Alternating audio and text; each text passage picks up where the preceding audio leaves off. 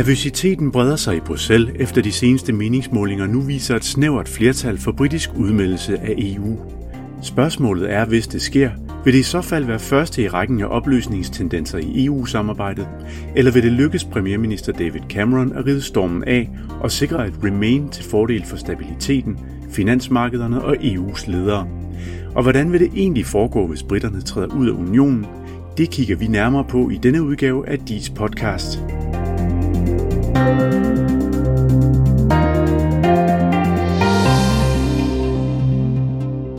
Velkommen til endnu en udgave af DIS podcast. Og for at hjælpe os med at forstå denne højspændte situation på det britiske øer, har jeg glæden af at have her i studiet Christine Nissen.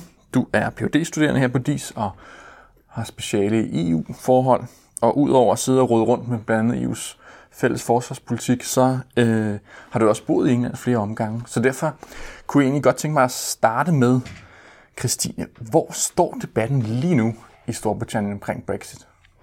Ja, altså nu er vi jo gået ind i den hårde slutspurt, hvor at øh, der er jo to lejre. Der er Remain-lejren, der gerne vil have, at Storbritannien skal, skal blive i EU, og så er der Leave-lejren, øh, der gerne vil have, at Storbritannien skal ud. Og nu rykker vi ind i den aller sidste uge, og nu begynder de at sky ingen midler. For lige sådan at rise op de to, øh, de to lejre her, så, så kan man sige, at, at begge to sådan set spiller på økonomi, og så spiller de på frygt. Og så er de også begyndt at øh, spille lidt på britternes følelser her, især i den sidste tid. Hvis vi starter med Remain-kampagnen, så fokuserer man rigtig meget på, hvordan det vil have vidtrækkende og virkelig komplekse og uoverskuelige konsekvenser for Storbritannien at, at forlade EU. Øh, siden at EU jo er Storbritanniens allerstørste handelspartner. Øh, så det er især sådan handel og udenlandske investeringer og også britiske arbejdspladser, som, som, som vil blive ramt af, af Brexit. Og så spiller man så på frygten for denne her store, store usikkerhed, som Storbritannien går, går i møde, hvis det er, at, at britterne øh, stemmer sig ud. Men man ved ikke, hvor galt det kommer til at gå. Og det er jo meget sådan belejligt for Leave-kampagnen også, som som gerne vil have, at Storbritannien skal ud af EU, fordi at deres svar på tiltalen, når de bliver spurgt om, hvilke konsekvenser et Brexit vil have, jamen det er jo så, at det ved ingen. Øh, og, og Leave-kampagnen for at, for at tage den, så kører de også på økonomien. Øh, de kører på, at, at øh, at sådan eurozonen ikke fungerer, og det er EU's skyld, at et land som, som, øh, som Grækenland har, øh, har været på vej ud af EU, og Grækenlands økonomi er, er brudt sammen, og at øh, spanierne øh, ikke har nogen øh, arbejdspladser. Så, så det er EU, der får skylden for, for rigtig mange ting. Mm, og så skal vi også huske på, at der er mange ja-siger, og der er også mange nej-siger, og mange forskellige nej-siger. Der er mange forskellige nejer til EU. Og især denne her Leave-kampagne er delt i to. Der er dem, der kører på, øhm, på øhm, sådan UKIP's øh, Nigel Farage-lejren, der kører på, at vi skal passe på immigration og øh, passe på flygtninge og, og, og øh, et, et Brexit vil kunne betyde lukkede grænser og mindre immigration øh, og mindre øh, EU-borgere, der kommer og tager britternes øh, arbejdspladser. Og så er der øh, en, en, en anden lejr i nej-kampagnen, som jo er anført af de konservative og sådan lidt mere moderat standpunkt, kunne man sige, øh, hvor at, at de faktisk også spiller på øh, suverænitet rigtig meget og kigger tilbage, har sådan en eller anden øh, nationalromantisk idé om, om et Great Britain, der kan genvinde sin øh, storhedstid, øh, om, og drømmen om, om det gamle imperium og, og handel med, med gamle handelspartnere. Jeg så her, at øh, den britiske avis The Sun havde sådan en meget stor forside, hvor de skal sådan believe, altså med B, og så leave øh, in Britain her for et par dage siden øh, hvor de jo også, øh, og der så jeg sådan, hvis man ser, Financial Times havde sådan en meningsmåling, som viste sådan, at, at det var næsten sådan 80% af folk, der læste The Guardian, der ville stemme Remain, mens det var nogle af det tilsvarende bare i den anden retning, som vil uh, The Sun og Daily Mail og sådan noget, der vil, der vil stemme ud af, af EU.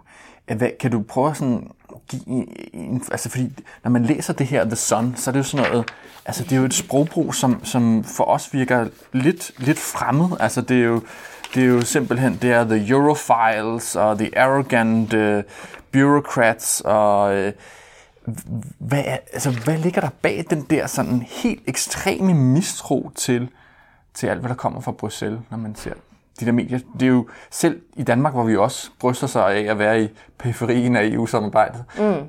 der kan man jo ikke finde sprogbrug, der er, er, er man til. Altså, Nej.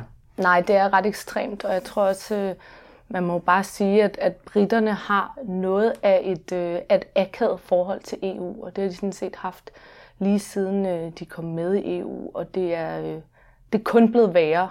Øhm, og, Storbritannien er faktisk også det eneste land, hvis man ser på, der er det her Eurobarometer, der mm. har lavet undersøgelser om EU-befolkningernes tilhørsforhold til EU øh, de sidste ja, mange, mange år. Og der kan vi se, at Storbritannien uden sammenligning er det land, som har det mest øh, kritiske øh, forhold til EU i Storbritannien øh, på spørgsmålet om, hvorvidt man, man føler, at man hører til i Europa eller ikke hører til i Europa, er der en kæmpe andel sammenlignet med andre medlemslande af, af britter, der mener, at de ikke hører til i Europa. Og det er også den her, altså så det er virkelig sådan et eksistentielt spørgsmål om britisk identitet.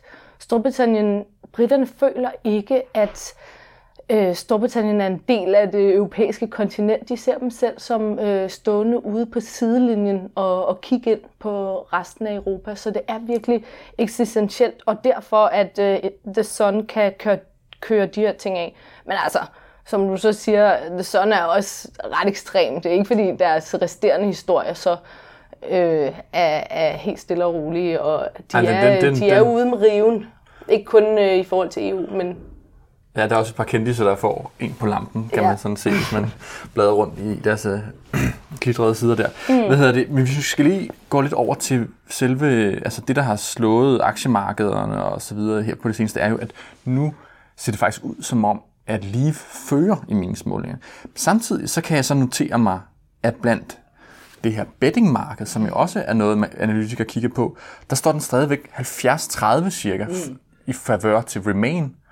Kan du lidt prøve, prøve at forklare, hvad der er den der usikkerhed omkring meningsmålinger, bookmaking, hvad, hvad, Ja, men altså, det er, det er helt vildt paradoxalt. Det, det er fuldkommen rigtigt, at øh, det, det, det er meget svært at finde ud af. Den ene dag, så er Remain-kampagnen langt, langt, langt foran. Der var en dag, hvor at det var sådan et eller andet 10 øh, procent på en foran, hvor at der så lige pludselig var mange, der begyndte at tale om, at uh, det kan være, at der så er færre, der, der stemmer, fordi at der nu er så stort et uh, forspring til, til Remain-kampagnen, fordi man har en, en formodning om, at det især er øhm, de kritiske vælgere, dem det var ud af EU, der er de første til at stemme.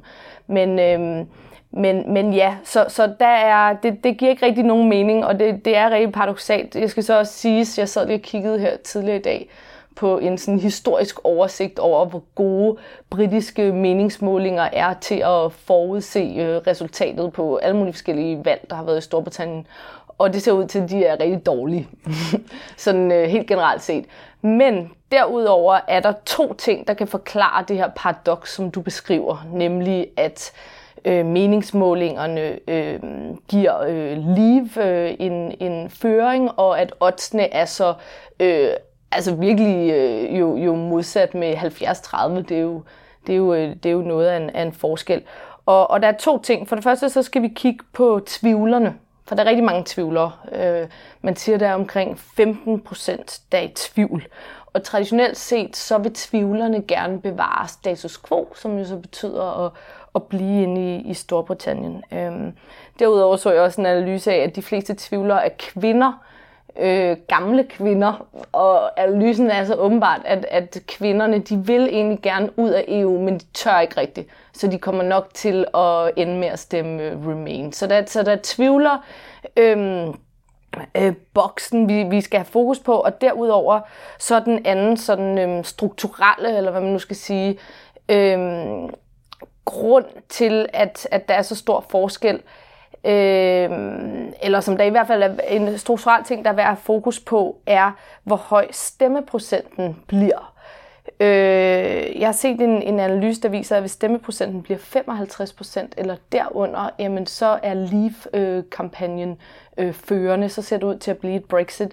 Men hvis den bliver høj, øh, over 60% som noget faktisk kunne tyde på, for der er rigtig mange britter, der har øh, registreret øh, sig til at stemme, så øh, hælder vi altså over mod et Remain øh, fordi at jo flere der stemmer, jo, jo flere øh, tvivlere kommer også ind i spil, og jo flere øh, kommer op fra sofaen, fordi der er den her formodning om, at det er især dem, der vil ud og protestere og lave noget om, og i øvrigt er skeptiske over for EU, jamen det er især dem, der er de første til at komme ned i, i stemmeboksen.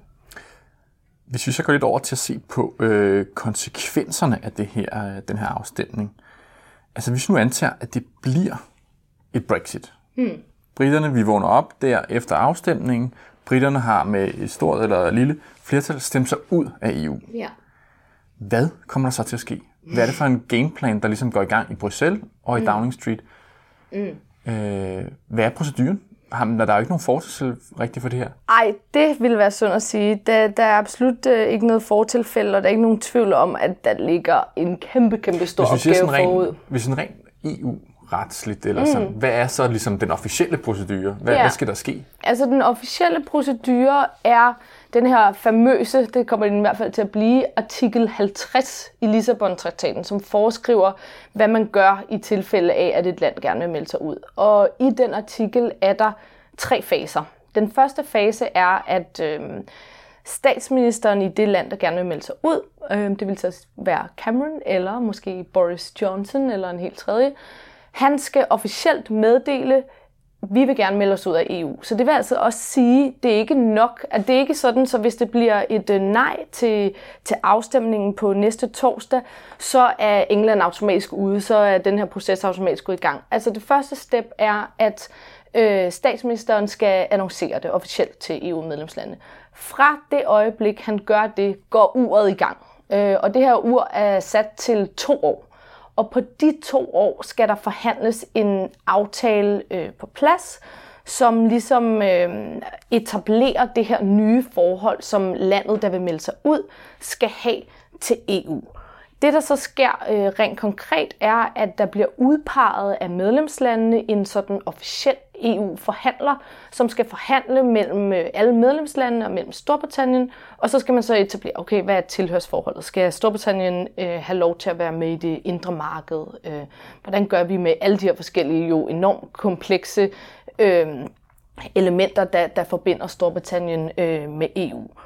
Og, øh, og, og når man så har fået øh, lavet den her forhandling, øh, når, den, når der ligger et dokument, så er det så op til EU's stats- og regeringsledere at sige ja eller nej til den, og så er det også op til Europaparlamentet at sige ja eller nej til den. Og så er der så en tredje fase, der går i gang, hvis de ikke kan blive enige. Hvis enten stats- og regeringslederne siger nej, hvis Europaparlamentet i, i sidste øjeblik vælger at sige nej, eller hvis, de simpelthen, hvis det simpelthen bare er for svært at blive enige, så sker der det, at Storbritannien ryger ud. Og så har Storbritannien intet tilhørsforhold til, til EU overhovedet. Så er det ligesom et hvilket som helst andet øh, land, tredje land, bortset fra, at mange tredje lande jo har en handelsaftale med EU. Det vil øh, Storbritannien så ikke have. Og det er jo så også det, der er lidt spørgsmålet. Altså, hvilke, hvilken respons vil man ligesom, hvordan, jeg ved, du har været nede for en uge eller to siden og, og, og, og lavet nogle interviews i, øh, i Bruxelles, hvor du også talte med nogle folk tæt på kommissionen. Mm. Hvad, hvad, hvad er det for en, hvad går ligesom på vandrørene dernede i forhold til, hvilken en, en, et respons vil Donald Tusk for eksempel øh, sætte op i forhold til Storbritannien? Hvordan, altså, vil han, altså man kunne sige, på den ene side, så kunne man sige, at vi vil være meget søde over for dem, eller mm. vi vil være toffe, eller mm. hvordan vil han reagere i det, den situation? Jamen altså, det, det er du helt ret i. Der, der, der, kan, der kan være to scenarier, kunne man sige, for at trække det sådan lidt hårdt op. Øhm, der er det, det, man kunne kalde for sådan et blødt exit, hvor at stats- og regeringslederne og øh, EU's ledere, for eksempel TOS, der jo kommer til at anføre de her forhandlinger i høj grad også, øh, de, nu, nu så jeg lige Economist i dag, altså, øh, har de foreskrevet, at, at øh, Europa kan meget vel ryge tilbage i recession, og Storbritanniens øh, øh, bruttonationalprodukt står til at falde med 6% i, i 2020, hvis, hvis det bliver et Brexit. Så det er jo helt klart, at, at øh, EU's øh, ledere øh, vil gøre meget for, at man ikke... Altså det er trods alt en af EU's aller, aller vigtigste og største lande. Men når det så er sagt, så er der også måske endnu større ting på spil, nemlig hele EU's øh, fremtid. Altså det var jo virkelig ryste øh, EU og internationale institutioner i det hele taget, hvis, hvis det pludselig bliver noget med, at man kan melde sig ud. Øhm, og, og, og så tror jeg faktisk godt, man kunne forestille sig, og, og hvis jeg skulle sige noget om, hvad jeg har hørt på, på vandrørene nede i rådet, øh, Øh, så tror jeg godt, man kunne forestille sig, at, at EU har brug for at statuere et eksempel, altså, og ikke give noget ved dørene, sådan så andre medlemslande ikke, øh, ikke får, får gode idéer, fordi at, at det, der kan være konsekvensen af det, er, at, at, at EU bryder sammen jo. Så man vil simpelthen, for at undgå at lande som, de kunne jo for eksempel være Danmark, eller også andre lande i Østeuropa, begynder at tænke, at vi kan freeride lidt, og vi kan måske få en anden handelsaftale, hvor vi får nogle af uh, the benefits, men ikke rigtig trækker læsset. Og det vil man gerne undgå for EU.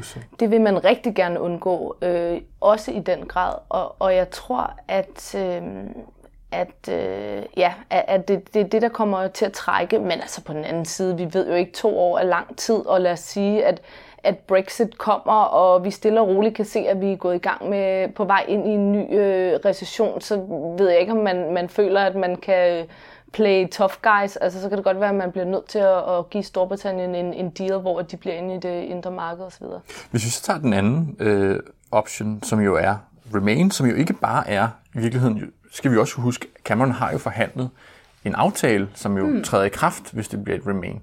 Hvad, hvad får det af betydning for EU, at at Camerons ligesom, special deal træder i kraft. Ja, men øh, det er helt rigtigt. Altså, det, det er jo det, vi glemmer lidt, og det undrer mig egentlig også, at Cameron ikke har kørt på det mere i Storbritannien, fordi det er jo ikke bare øh, status quo. Altså, hvis det er, at det bliver Remain, så bliver det et øh, nyt og endnu mere special relationship, som, som Storbritannien får til EU. Det indebærer blandt andet, at det øh, britiske parlament har mere skulle have sagt, og at øh, eurozonelandene øh, ikke kan, kan integrere sig øh, på bekostning af ikke-eurozone-lande. Øh, og så har Storbritannien også fået skrevet ind i den her deal, at man vil gøre op om tanken om ever closer union, øh, som faktisk er en ret sådan øh, basal præmis eller norm for EU-samarbejdet, nemlig den norm, at alle landene bevæger sig mod mere integration. Altså lige meget, om der så er nogle lande, der er lidt øh, langsommere øh, øh, til at integrere sig, så er man ligesom på den, det samme øh, track. Og øh, det vil Storbritannien nu øh, gøre op med, og det har de så fået skrevet, fået skrevet ind i, i deres nye øh, øh, medlemskab, kunne man sige, med EU, hvis det bliver et remain. Så i forhold til dit spørgsmål, så tror jeg sådan set, at, at det vil betyde... Øh, et, et andet slags EU-samarbejde. Det vil ikke sådan revolutionere det helt vildt, men det vil betyde et andet slags EU-samarbejde. Og jeg tror også til forskel fra, hvis det bliver et Brexit, øh, så, så vil jeg sige, jeg, jeg forudser ikke, at 20 lande kommer til at have lignende afstemninger om deres EU-medlemskab. Men hvis det bliver et Remain, så kunne man godt forudse, altså det har Danmark allerede været ude at sige, så at det vil man. Morten Messersmith var ude at sige, det, var, det her det var den eneste afstemning, hvor han ville stemme ja eller Remain, fordi han netop godt Præcis. den her special deal. Lige præcis. Og han har jo så også sagt, at, at øh, han vil stemme Remain, og han vil i øvrigt også øh, presse på for, at Danmark får en, en lignende aftale, hvis, øh, hvis de bliver. Så, så man kunne godt forestille sig, eller det, det tror jeg helt sikkert, et mere fragmenteret europæisk samarbejde, hvis det bliver et øh, Remain, og så i den grad også, hvis det bliver et Brexit. Øh, eller måske kunne man også forestille sig, at øh, så har vi ligesom England, øh, Storbritannien ude, øh, de, det besværlige medlem, øh, der altid skal skabe problemer, og så kan vi virkelig integrere os og lave en, en stærkere politisk union. Det er også en mulig udfald. Inden vi slutter, så skal vi også lige nå at runde, hvad det her betyder for, for, for Cameron selv og internt i Storbritannien, mm. fordi altså, mange britiske medier skriver, det er jo næsten helt utænkeligt, at Cameron fortsætter, hvis det bliver et, et, et leave, at han skulle implementere noget, som han har kampagnet imod. Ja. Det virker helt... Hvordan ser du øh, spillet internt i britisk politik efter, efter den her afstemning? Jamen, det er jo også det, der bliver meget spændende. Altså, nu har skotterne jo været ude at sige, at hvis det bliver et Brexit, jamen, så skal de have en til afstemning, og så kunne man godt forestille sig, at, at, at de stemmer sig ud af, af Storbritannien, og så står vi jo med en, en helt ny øh, grundlov, et helt nyt øh, øh, setup for Storbritannien, så der er bestemt meget på, på spil for Storbritannien, og så som du siger også for, for Cameron selv. Altså han, han kan helt sikkert ikke blive, hvis det bliver et Brexit, og der er jo så også nogen, der har spekuleret i, at hvis det bliver et øh, Remain øh, med, en, med en meget sådan snævert øh, flertal, så er det heller ikke sikkert, at, at han vil kunne øh, blive efterfølgende. Men man må bare sige, at Cameron, det kan man så også spørge sig selv, hvorfor i alverden har han dog gjort det i et land, der ja, ikke det er så mit næste spørgsmål.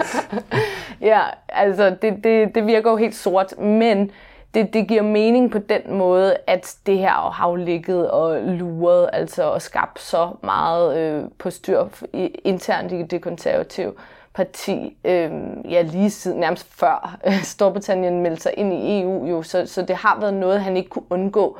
Og så skal vi jo også huske, at han jo faktisk gik til valg på, øh, at, at han ville sende det her til afstemning, så, så man kan sige, at han kan ikke slippe uden om den. Øh, han har gået til valg på det, han har vundet valget, kunne man måske nærmest sige. Det var en ret stor del af, af den britiske valgkampagne dengang.